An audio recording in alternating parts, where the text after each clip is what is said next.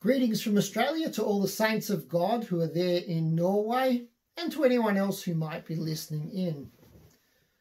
Today I've been invited to speak on the topic of freedom from idolatry, including freedom from that king of all idols, which is the worship of me, myself, and I.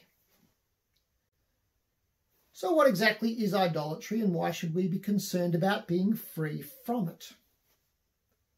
Well, an idol is anything that we put in the place of the true and living God so that it effectively becomes our God, whether we recognize it as a God or not. The scriptures teach us that we are called to love the Lord our God with all of our hearts and with all of our souls and with all of our minds and with all of our strength. Furthermore, the scriptures teach that we are called to seek the Lord and his kingdom above everything else including all the pleasures and treasures of this world. And furthermore, the scriptures teach us again and again that we are called to trust in the true and living God above everything else, so that we trust in Him and not in the false gods of other religions. And so that we trust in Him and not in ourselves, right? Not in our own wisdom, not in our own goodness, not in our own traditions, and not in our own strength and not in any of the other human or earthly things in the world around us. Even if these things might be good things in and of themselves, when we try to put them in the place of God, they become very destructive. Right? Because nothing in this world is capable of filling God's shoes. And Luther reflects all of this biblical teaching in his catechisms when he talks about how we are called to fear, love, and trust the true and living God above everything else, and that anything that we love or trust more than Him has become an idol for us. And this idolatry is serious business, right? Because idolatry lies at the heart of all human sin. And this too is reflected by Luther in the Small Catechism. I just think about how he deals with all of the commandments and explains them. When he deals with the first commandment, he explains this by saying that we are to fear, love, and trust the true and living God above everything else. And he then echoes this when he deals with all of the other commandments. Right? His explanation for all of the other commandments begins with, we are to fear and love God so that. We are to fear and love God so that we do not despise or anger our parents and others in authority. We are to fear and love God so that we do not betray, slander, or lie about our neighbour, and so on. In other words, if we truly fear, love, and trust the true and living God, we will then delight in his will and will be eager to do it so that we naturally keep all of the rest of his commandments. But if we fail to keep any of this commandment, these other commandments, this then reveals that at that point in our life at least, we have an issue with the first commandment. And at that point, we are not loving and trusting in the true God above everything else, but we've prioritized something else ahead of Him. So let's look at an example of that. Let's think about something like the eighth commandment, which tells us that we are not to bear false witness, but instead we are called by God to be people of the truth who always speak the truth. And yet, despite this, the scriptures tell us that all people are liars. Right? All of us have told lies, and even when we don't tell bold faced lies, we are constantly tempted to twist and distort the truth in order to deceive. So why do we lie? Well, we might lie for many reasons, but one of the main reasons why we're tempted to lie is because we're afraid of human opinion. We're afraid of what other people will think about us if they know the truth about us. And so therefore we're tempted to lie or else do some other act of deception to hide those things about ourselves of which we are ashamed and to then embellish those things about ourselves of which we are proud in the hope that other people will then think better of us. But when we do that, what this in fact reveals is that at that moment in our life at least, we are then valuing human opinion more than we are valuing the true and living God who calls on us to tell the truth. And we could do the same kind of analysis with any human sin. We could trace it right back to the idolatry that lies at the root of it. And this means that if we merely try to deal with surface level sins, right, the, the words or actions that we see at the surface, but we don't trace this back to the idolatry that lies at the root of that sin, well, then we haven't really dealt with the problem. We might get rid of some of these surface level sins, but new sins will simply spring up from that root. And if we're actually to lead people to repentance and to forgiveness and to healing at the deepest level, we always need to address the idolatry that lies at the heart of their sin. Or to put this differently, the first step in the cure of any disease is an accurate diagnosis. And therefore, if we are to be servants of the great physician and to share in his work of bringing healing to a world that is sick with sin, we can't avoid the question of idolatry.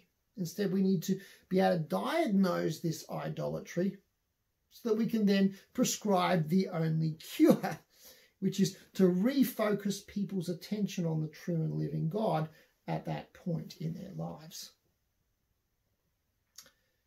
Now, many people would prefer not to examine uh, this issue of idolatry because it cuts too close to the bone. Right? None of us are really very comfortable at examining our own sin, and particularly not the sins that go right to the heart. Right? So talk about idolatry makes all of us uncomfortable. And yet, nevertheless, it's very important that we're willing to deal with it. Because you see, our idols enslave us and then reward us badly, whether we're willing to recognize our idolatry for what it is or not. And our idols will always hold us back from all of the joy and the life and the blessing that the true and living God wants to give to us, unless we're willing to deal with this idolatry. And therefore, confronting our idols is always the first step on the road to freedom.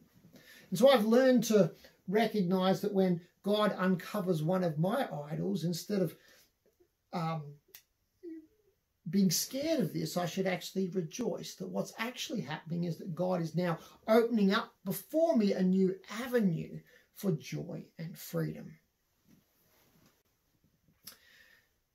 Now, whenever we deal with the topic of idolatry, it's important that we don't just deal with the obvious idols, like bowing down to gods of metal or wood or stone, but that we also are willing to deal with all of the hidden idols of the heart. If we look at the Old Testament, a lot of the time the idols are fairly obvious. Right? People would bow down to a golden calf, or they would bow down to Baal, or they would bow down to Asherah, or something like that. It's not always true. Actually, there are some fairly subtle and hidden idols in the Old Testament. But this is particularly true when we look at the New Testament. Right? The New Testament treats idolatry as just, just as big a deal as the Old Testament does. And yet it's not always so obvious how the New Testament deals with this because the idols tend to be the hidden idols of the heart rather than these obvious kind of you know, bowing down to gods of wood or stone. So let's think about someone like the Pharisees. Right? The Pharisees outwardly appeared to be very pious and very devoted to the true and living God. And yet Jesus says that this piety was only skin deep, right? He called them whitewashed tombs that looked really good on the outside, but inside they were full of rottenness.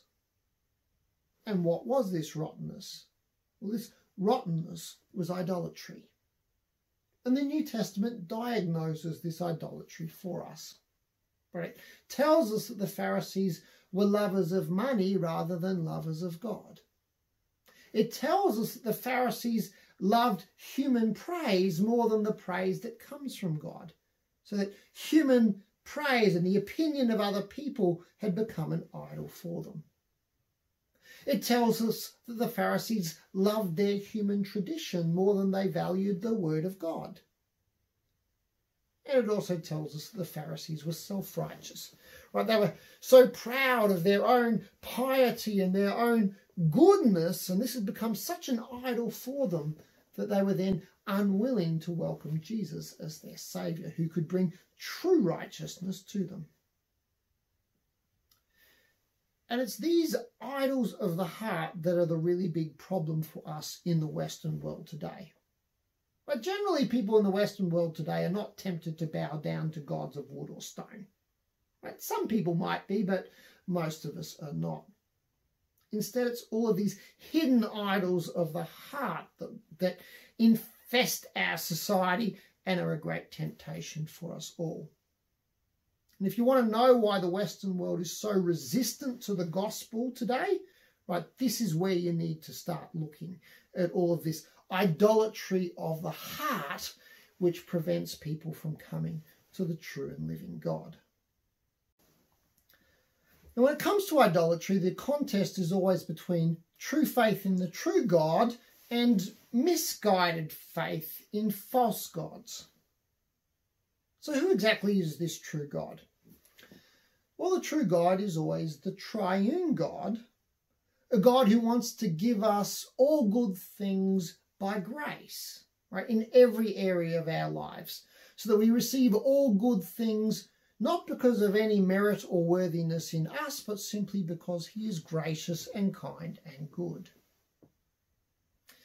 And yet, when we refuse to trust in this true and living God and to receive these gracious gifts from his hand, then idolatry automatically rushes in and fills that space right? If we refuse to trust in the true and living God, idolatry is not optional, it's compulsory.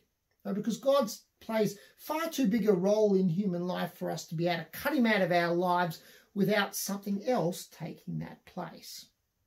We'll always end up trying to put something else into that void that's been left in our lives. I'm guessing that many of you have heard the statement that we all have this God-shaped hole in our hearts and if we refuse to allow God to fill it, well, then we'll always end up trying to put something else in that place. Well, that is true, except that this God-shaped hole is not a space left by a generic God. It's a space that's been left by the triune God. And therefore we all have a triune-shaped hole in our hearts that only the triune God can fill right? Because every single member of the Trinity plays a unique and special role within human life, right? So if we try and cut the triune God out of our lives, we end up having to try and find substitutes for Father, Son, and Holy Spirit.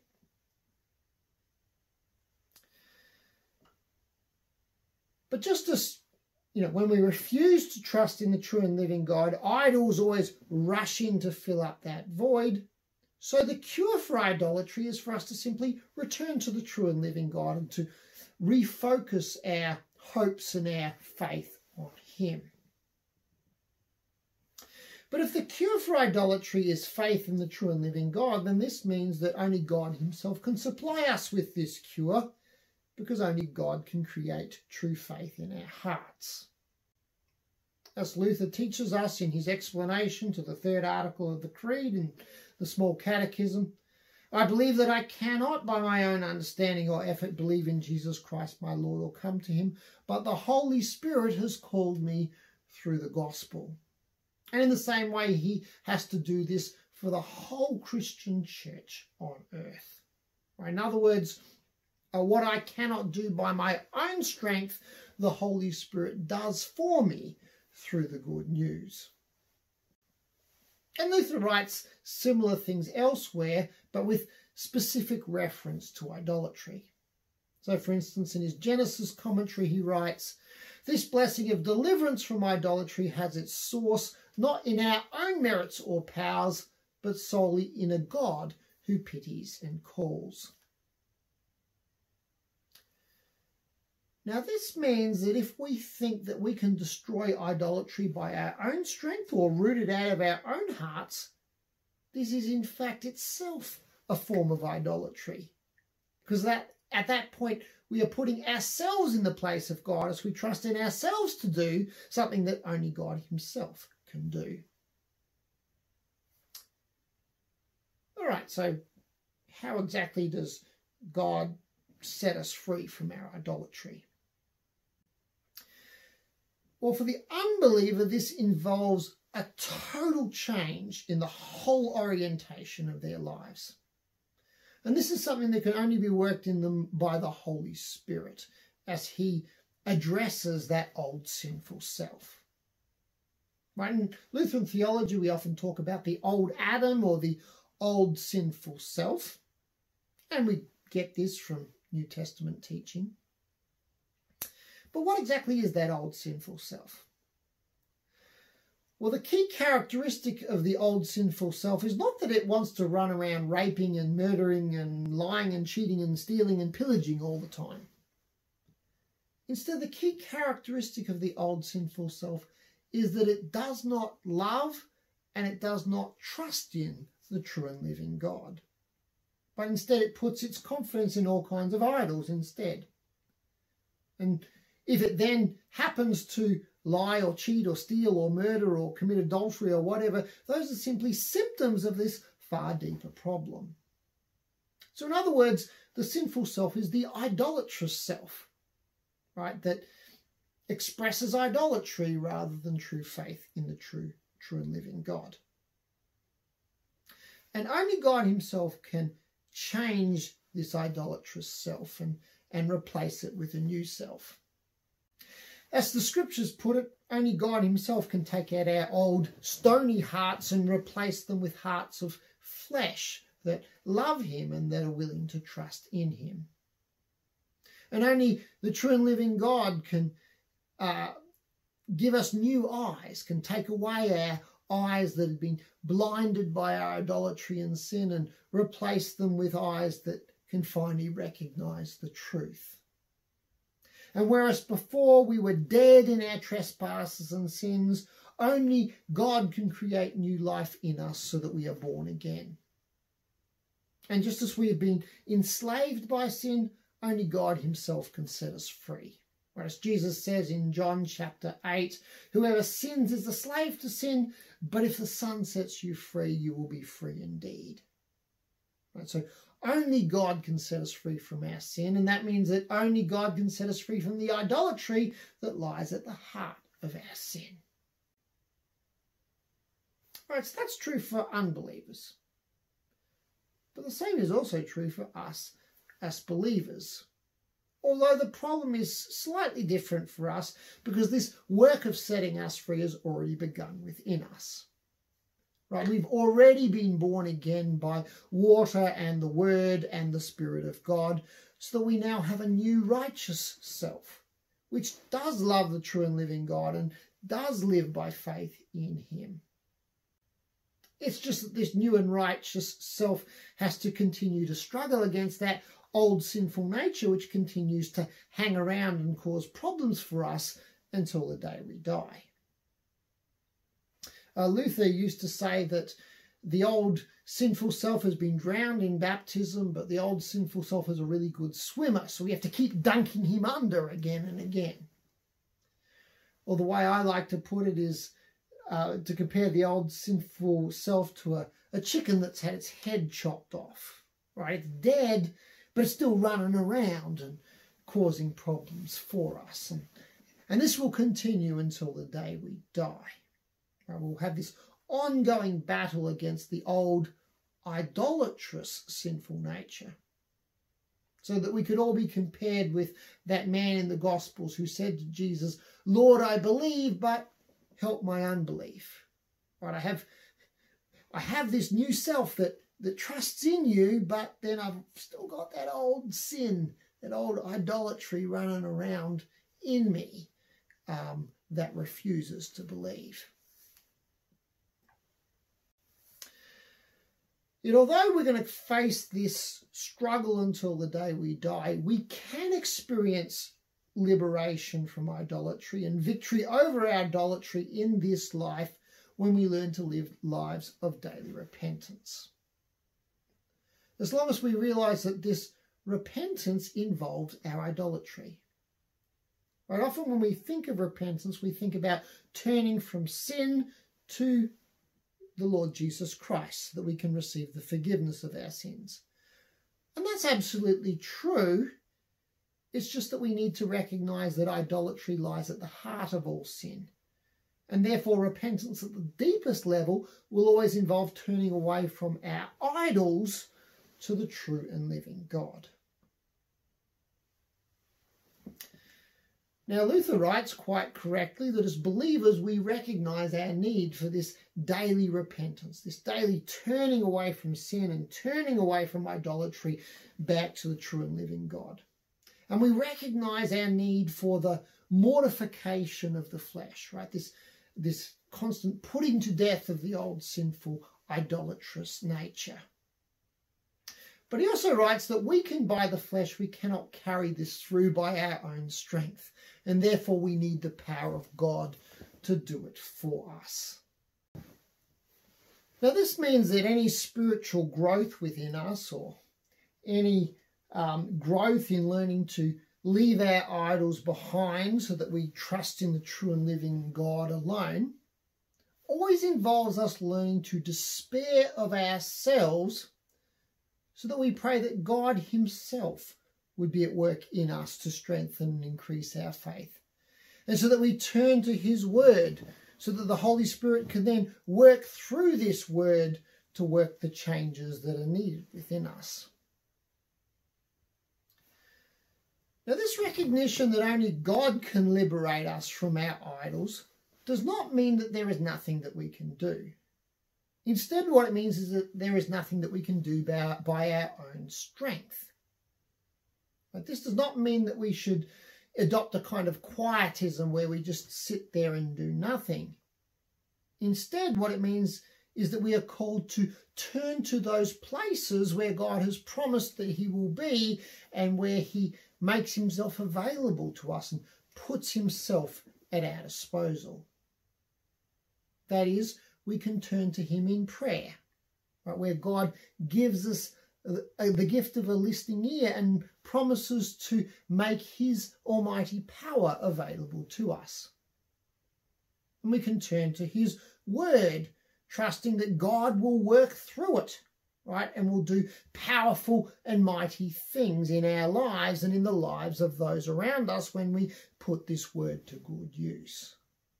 Right, so we can turn to these things. We can be people of prayer. We can be people of the word and then let God do his work through these things. Right, so what exactly does this work look like? Well, this work always involves two things. First, this involves the alien work of God's law or God's judgment on human sin, which exposes our sin and smashes our idolatry. And then, secondly, this involves the proper work of the gospel, through which God brings his promises and his blessings to us, which then encourage us to refocus our attention on him and to put all of our confidence in him. So we'll look at each of these in turn. First, let's look at the alien work of the law, right? The law which diagnoses our idolatry for what it is and condemns our idolatry and reveals to us that all of our idols are futile. Right? Because none of the other things in which we invest our confidence can possibly fill the shoes of God. Right, so what are some of the forms of idolatry that the law of God revealed to us?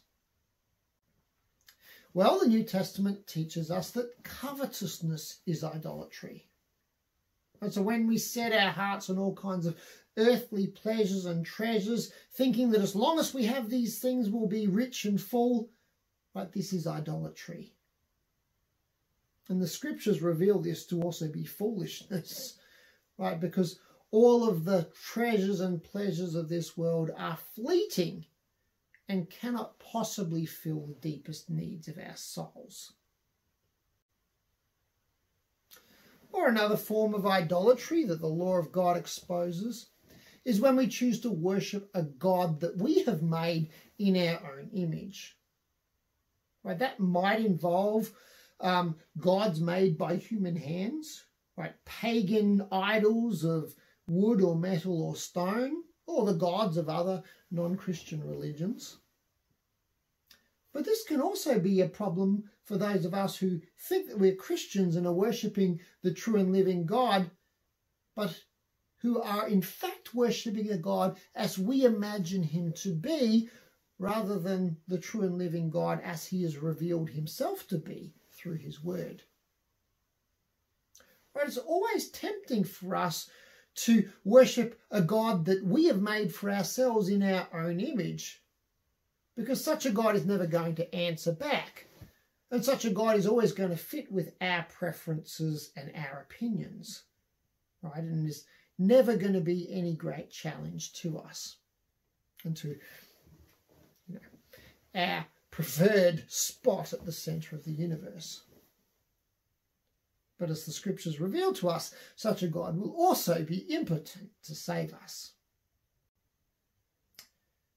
Or another form of idolatry is when we put ourselves at the centre of the universe by loving ourselves more than all things, including the true and living God.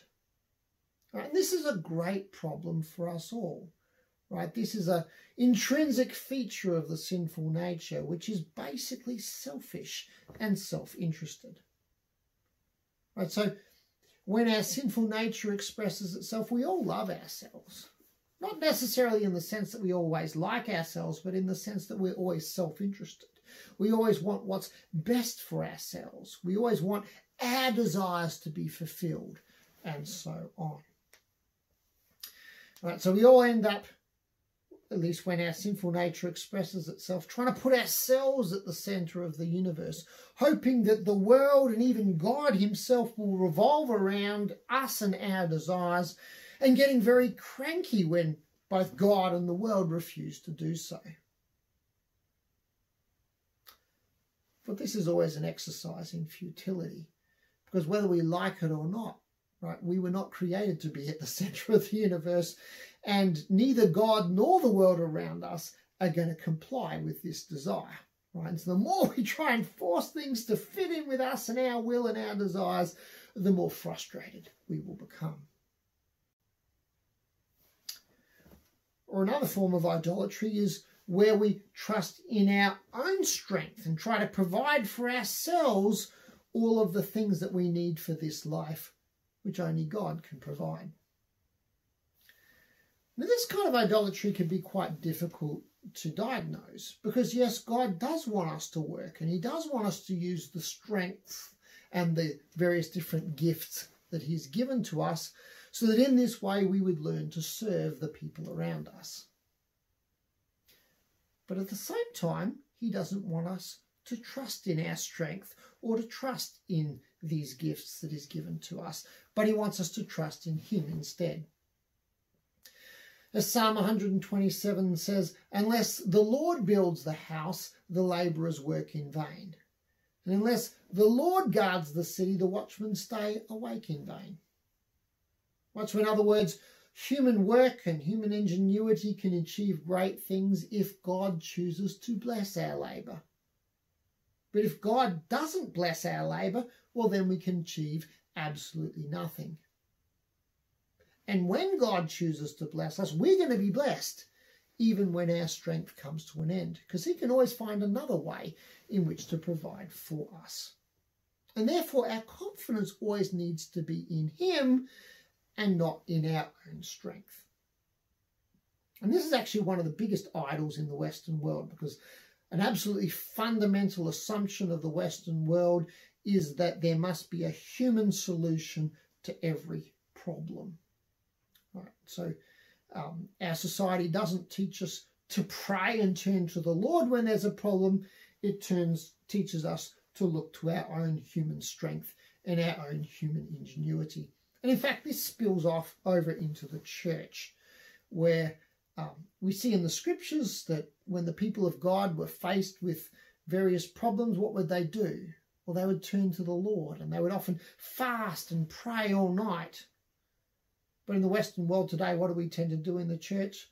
Well, if there's a problem, we might come together and we might pray a token prayer for like two minutes, but then we'll plan and strategize for two hours, right? Which shows that our confidence is really in ourselves and in our own planning and strategizing, not in the God who hears and answers prayers. All right, but what is the result of this kind of idolatry? Well, the result is anxiety and fear. Right? If it's all about our performance, well, then we're always going to suffer from performance anxiety. And if it's always about what we can manage and control, well, then we're always going to be fearful because there are so many things in life that it's simply impossible for us to control, no matter how much energy we, exert to try and control the world around us. Right, so the end result is anxiety, the end result is fear, and the end result is exhaustion and burnout as we run around trying to control everything. And finally, the end result is always failure, right? Because at some point, our human strength must always come to an end. Or another form of idolatry is when we trust in our own goodness and in our own righteousness instead of in the Lord Jesus Christ. Whenever we trust in our own righteousness and turn this into an idol, this will always be hypocritical and false, right? Because we're sinners, right? Uh, no matter what we might like to believe about ourselves. And so our righteousness will only be skin deep unless it's the righteousness that God Himself supplies. But when we want to convince ourselves that we are righteous, so that we can bring glory to ourselves instead of giving all glory to Christ, there are various strategies that we can adopt. Right? Maybe we strive really hard to keep the law of God, to convince ourselves in this way that we are righteous. Or maybe instead we try to suppress the law of God. Right? Because as Luther writes, when the law is denied, a false innocence is presumed. Right, Luther observes that actually the legalists and the antinomians, right, those who try and suppress or deny the law of God, are actually playing the same game. Right, both of them are trying to establish a righteousness that is their own rather than trusting in the righteousness that Christ supplies to us as a gift that comes from outside of ourselves. It's just that one is choosing the strategy of trying to keep the law, the other's choosing the strategy of trying to suppress and deny the law. Or finally, we could just try and shift the blame, right? We could point the finger or pass the buck. But all of these different strategies are futile. No matter how much we try and keep the law, of God, it's too difficult for us as sinners. We're always going to fall far short. So whenever we try that strategy, we might end up keeping one or two laws very self-righteously, but we'll end up ignoring the rest. Or if we try the strategy of the antinomians and we try and suppress and deny the law, well, we won't succeed at that either because the law of God is written at the written on the heart, and it takes an almighty effort to keep that law suppressed. Or if we try and point the finger and pass the buck and shift the blame off ourselves in this way, well, that doesn't really work either. It tends to just aggravate the people around us. Certainly discovered that in my marriage. Uh, when there's a problem in my family and I try and point the finger at my wife and blame her, that doesn't lead to happiness in our marriage. It just makes her mad and she just points the finger right back at me. Uh, so it really doesn't get me anywhere. And certainly all of these attempts to justify ourselves will not avail us on the last day. We might be able to fool ourselves, but we won't fool God. And all of these attempts to justify ourselves will not deliver to us a good conscience either. Right? Instead, they deliver to us an unstable conscience. Right? Whenever we try to justify ourselves, this will lead to pride whenever we convince ourselves that we are succeeding. But this pride is very, very unstable and will be plunged into despair as soon as the reality of our sin starts to break in. Or another really common idol is when we start to trust in our own wisdom instead of in the wisdom of God. So that we turn our own wisdom into an idol by acting as if we are cleverer than He is. Perhaps we trust in our own human reason, or maybe we trust in our human traditions, or maybe we trust in our own human feelings and intuitions.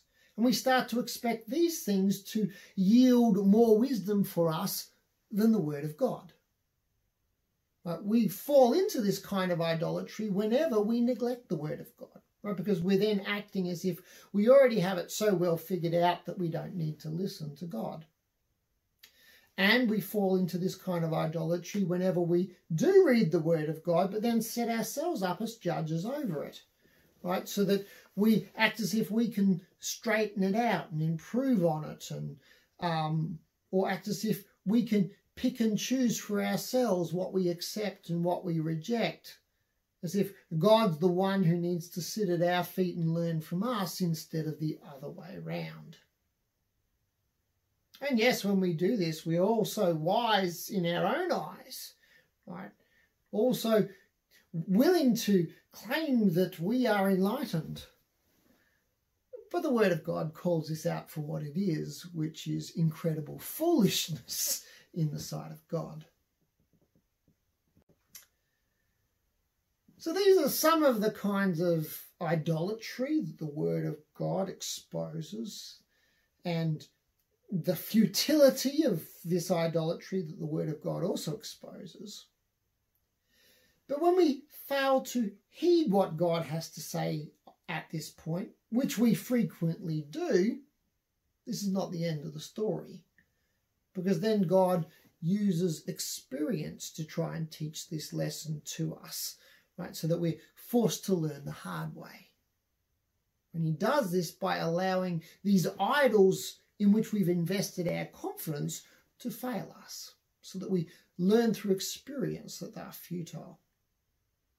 This might mean that he brings various different afflictions on us, right? He allows us to experience the cross, to discipline us and to purify us of our idolatry. So if money or earthly pleasures and treasures are an idol for us, he might just have to take these things away for, from us so that we learn through experience that we don't need them after all. Or maybe he will allow us to keep them, but he won't allow us to derive satisfaction from them, right? So that we learn through experience that they are really empty apart from him.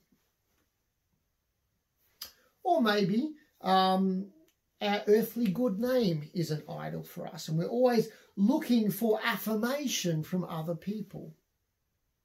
Well, in that case, God might have to allow us to experience slander and ridicule instead, so that we're then forced to turn to Him to honour us and uh, instead of turning to other people. Or maybe self-righteousness is an idol for us. In that case, he might have to allow us to, to be caught out in some sin that we can't hide, so that our um, the idol of our presumed righteousness fails us, and we're then forced to put our confidence in Christ instead. Or maybe our own strength or our human achievements are an idol for us. Well, in that case, he might just have to allow us to experience exhaustion and failure instead. And I certainly know that this has been an idol for me. Right, I wrote a book about idolatry well, that doesn't mean that I'm always free from it myself. And like many pastors, uh, one idol that I struggle with is the temptation to try and build the kingdom of God by the strength of my own arm instead of trusting in God to do it. So that I slip into, you know, working really, really long hours until to the point of exhaustion. Now, I could, I had all the intellectual tools that were necessary to analyze this idolatry in myself. And in fact, I had analyzed it. But I found that I kept letting myself off the hook. I actually needed a brother in Christ to really force me to come to terms with this, with this idolatry. And that person was a good friend of mine who serves as my uh, confessor father and spiritual advisor. And he said to me one day, this was after many conversations, but he said to me one day, Michael, you are clearly a workaholic and you are clearly in a denial about it and you need to repent. Well, those are some pretty confronting words. Um, but I was willing to take it from him, partly because I'd learned to trust him, but partly because I was already experiencing the exhaustion that comes from trying to do so much myself. All right, so this experience of the futility of my idolatry had prepared me um, for to finally hear this word of the Lord. All right, so that's what the alien work of God looks like. This work of the law that we both hear with our ears and then also experience in our lives as our idols prove to be futile. All of this God does for us to help us to see our need for Him so that He can then give Himself to us in the gospel. Now, this good news is always centered in the Lord Jesus Christ and what he has done for us through his death and resurrection to win for us the forgiveness of all of our sins and the gift of everlasting salvation. But the good news isn't restricted to that, but instead it starts to then spill over into every area of our lives as the God who's given us salvation by grace also wants to give us every other good thing by grace as well. As we read in Romans chapter 8, he who did not spare his own son but gave him up for us all, how will he not, along with him, graciously give us all things? Right, so yes, he's given us salvation by grace but he wants to give us every other good thing by grace as well in every area of our lives. And this includes all of the things that we have vainly tried to supply for ourselves through our idols. Right, so here in the gospel, we find the true solution to our idolatry. Right, here we find a God who is himself the pearl of great price who is himself our greatest treasure, and who also gives us true and lasting treasure in heaven, which completely outweighs all of the fleeting trinkets of this world on which we are tempted to set our hearts. And here in the gospel, we find a God whose will is good and who has plans to bless us and who alone can furnish us with that wonderful fruit of the Spirit, which is joy. Or have you ever reflected on the fact that the New Testament refers to joy as a fruit of the Spirit? Right, in other words, this is something that God has to supply us with. Right, we cannot give this gift to ourselves. Right, so here we find a God who truly loves us, truly has our best interests at heart, truly wants to bless us so that life proves to be beautiful and meaningful and fruitful when our lives revolve around Him, not when we try to get Him and the world to revolve around us. Furthermore, here in the Gospel, we find a God who clothes the grass of the field and who feeds the birds of the air and he wants to also provide for you and for me with all of the things that we need. Right? Not necessarily with the things that we might covet, but with all of the things that we actually need. So that we don't have to be anxiously toiling 24 7 trying to supply all of these things for ourselves, but so that we can instead simply do what we can with the strength that he supplies, but then at the end of the day and at the end of the week, we can give up our labour and just rest in him. The gospel brings to us a God who takes all the guilt and all the shame and all the punishment that we deserve because of all of our sins away. And he then clothes us in the righteousness of Christ.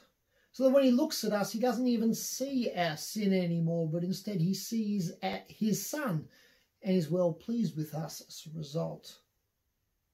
This is a God who finally supplies us with a good conscience, something that we cannot provide for ourselves, so that we can finally have true peace of heart and mind, knowing that all of our sin has been taken away.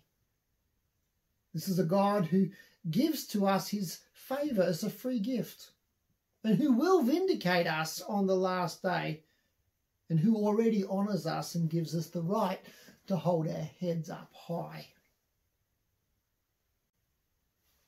in the gospel, we also find a God who imparts to us true heavenly wisdom and who does this free of charge through his spirit filled word, which makes all of the wisdom of this world look like foolishness in comparison, and which also has the power to heal and to bless and to empower and to bring to us all of the blessings of God as it leads us to know him and his good and gracious will.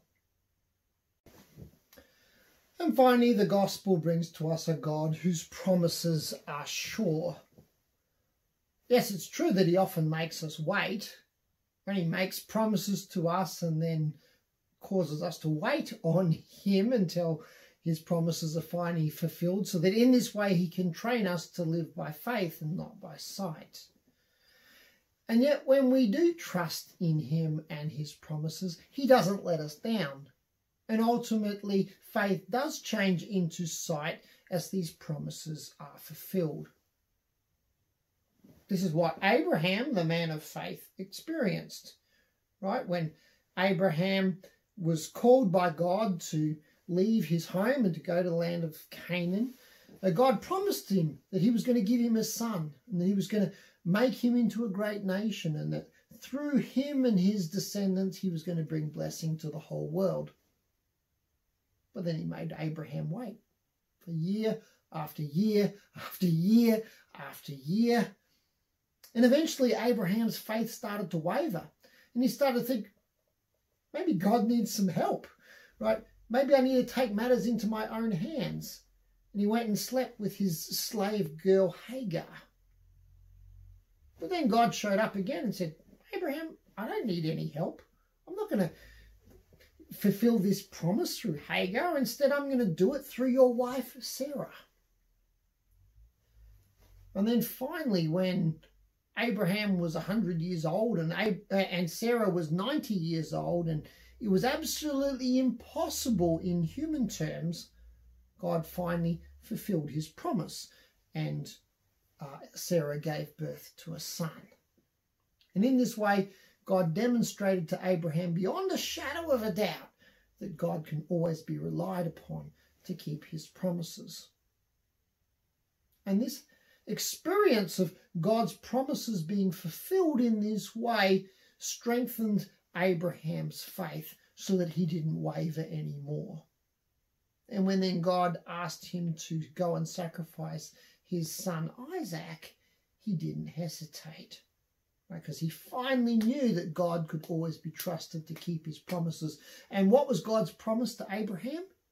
That through his son Isaac, God was going to make him into a great nation and bring blessing to the whole world.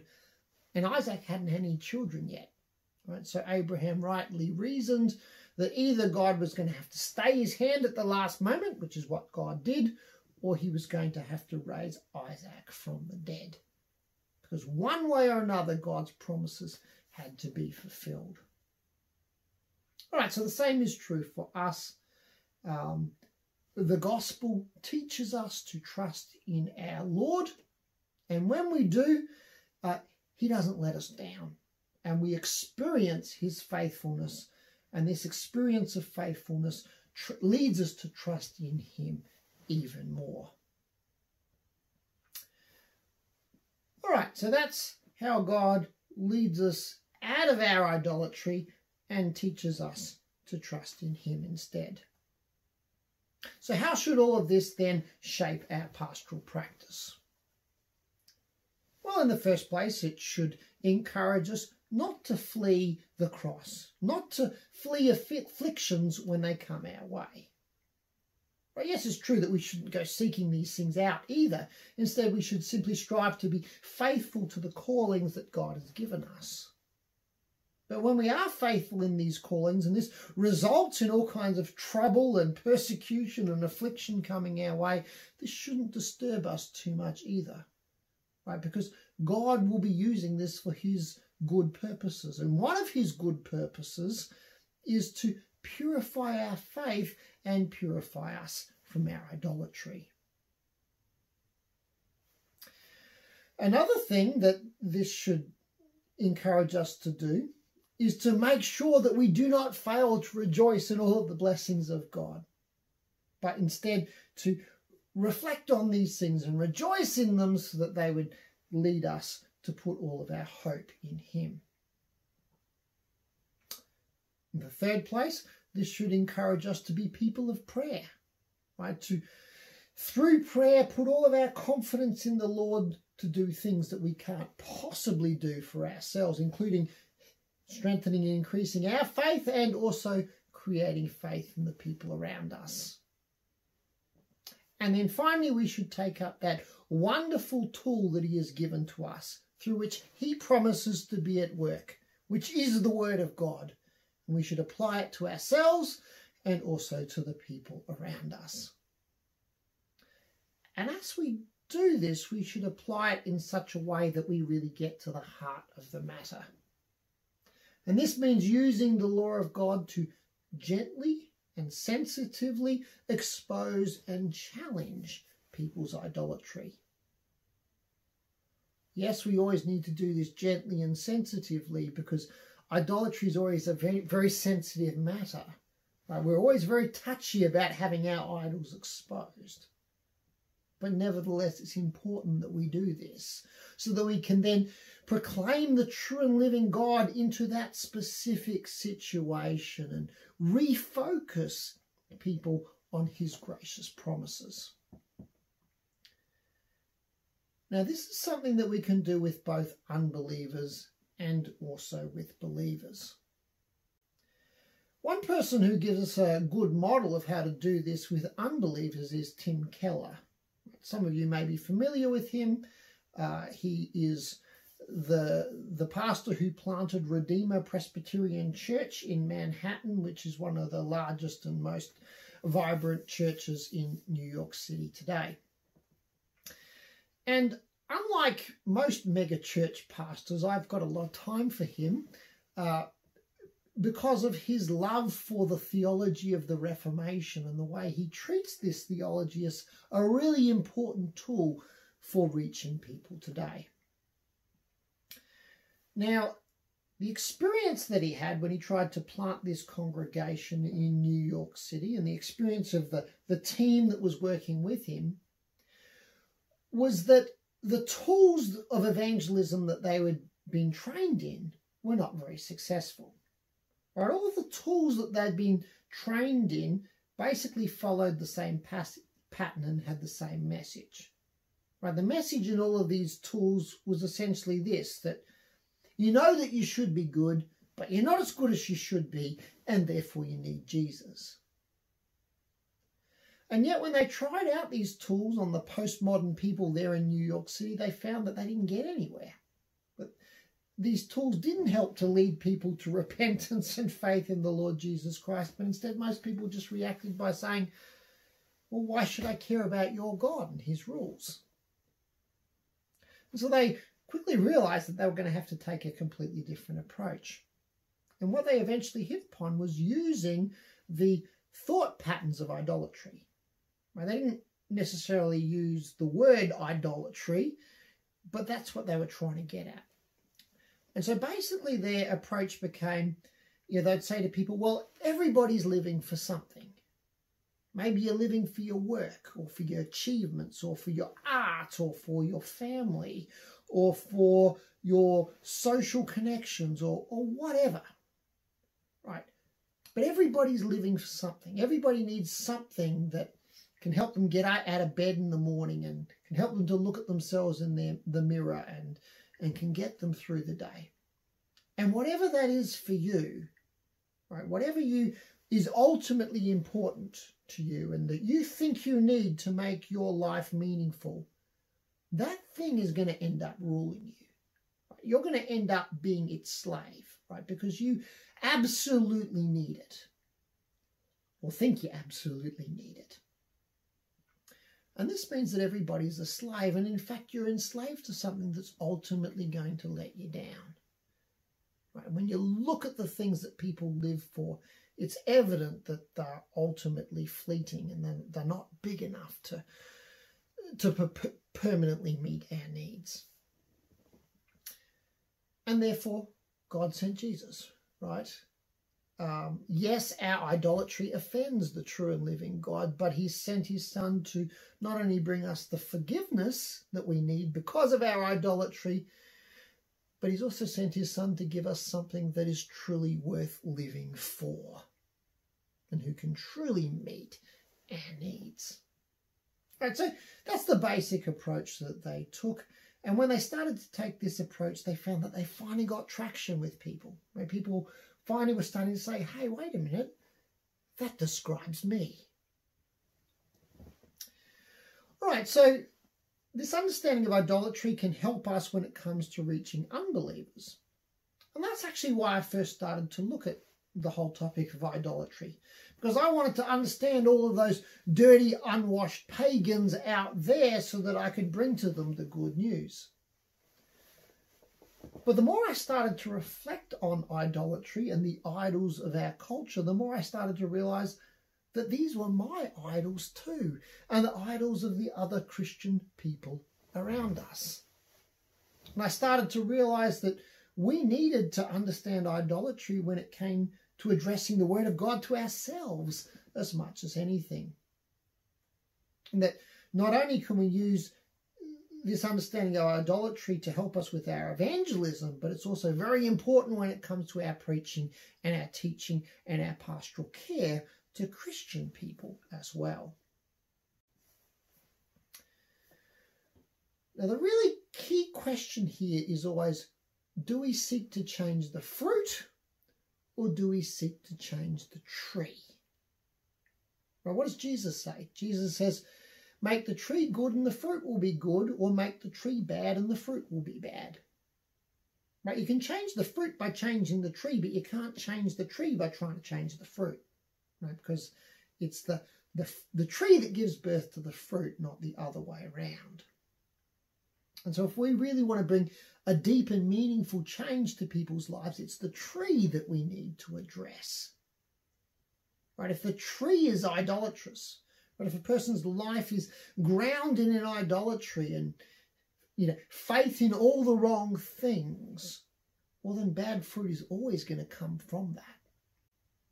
But if we can get people to give up their idolatry, if we can challenge and expose it and then lead them to faith in the true and living God in every area, every dimension of their lives, well then fruit, wonderful fruit, will always come from that. All right, so this means that we need to use the law of God to expose people's idolatry and the futility of their idolatry so that we can then bring to them the gospel that addresses them at that specific point in their life where they've become enslaved to an idol. So that at that point in their life, we can then refocus them on the true and living God and the healing that He wants to bring. So this means that in our preaching, we really shouldn't focus on all kinds of surface level idols. It's fine if we want to start at that point, but it's then important that we trace that back to the idolatry that lies beneath the idol that's at the surface. Because then we'll really be getting to the heart. Right? Then we'll be preaching in a way that really starts to convict people of their sin and the sin that goes right to the heart. So that they start hungering for the good news and they really start to see their need for Jesus. And so that when we bring to them the good news, it comes as this life giving rain, right? This most joyful and wonderful thing as God not only forgives them their idolatry, but also meets the need that they'd been futilely seeking to fulfill through that idol. Right, it's a very confronting way to preach, but it's also very liberating because it really gets uh, to the heart of the problem. Another area of pastoral ministry where an understanding of idolatry is really helpful is conflict resolution. Something that I've had to do a certain amount of in my time in pastoral ministry and which I've done with varying degrees of success. But one thing that I have learnt for sure is that idolatry lies at the heart of every single conflict. Because if we were all truly focused on the true and living God and His will, then we would live in harmony with each other. He would create peace between us. But the reason we have conflict with each other is because we lose sight of the true and living God and start focusing our attention on something else instead.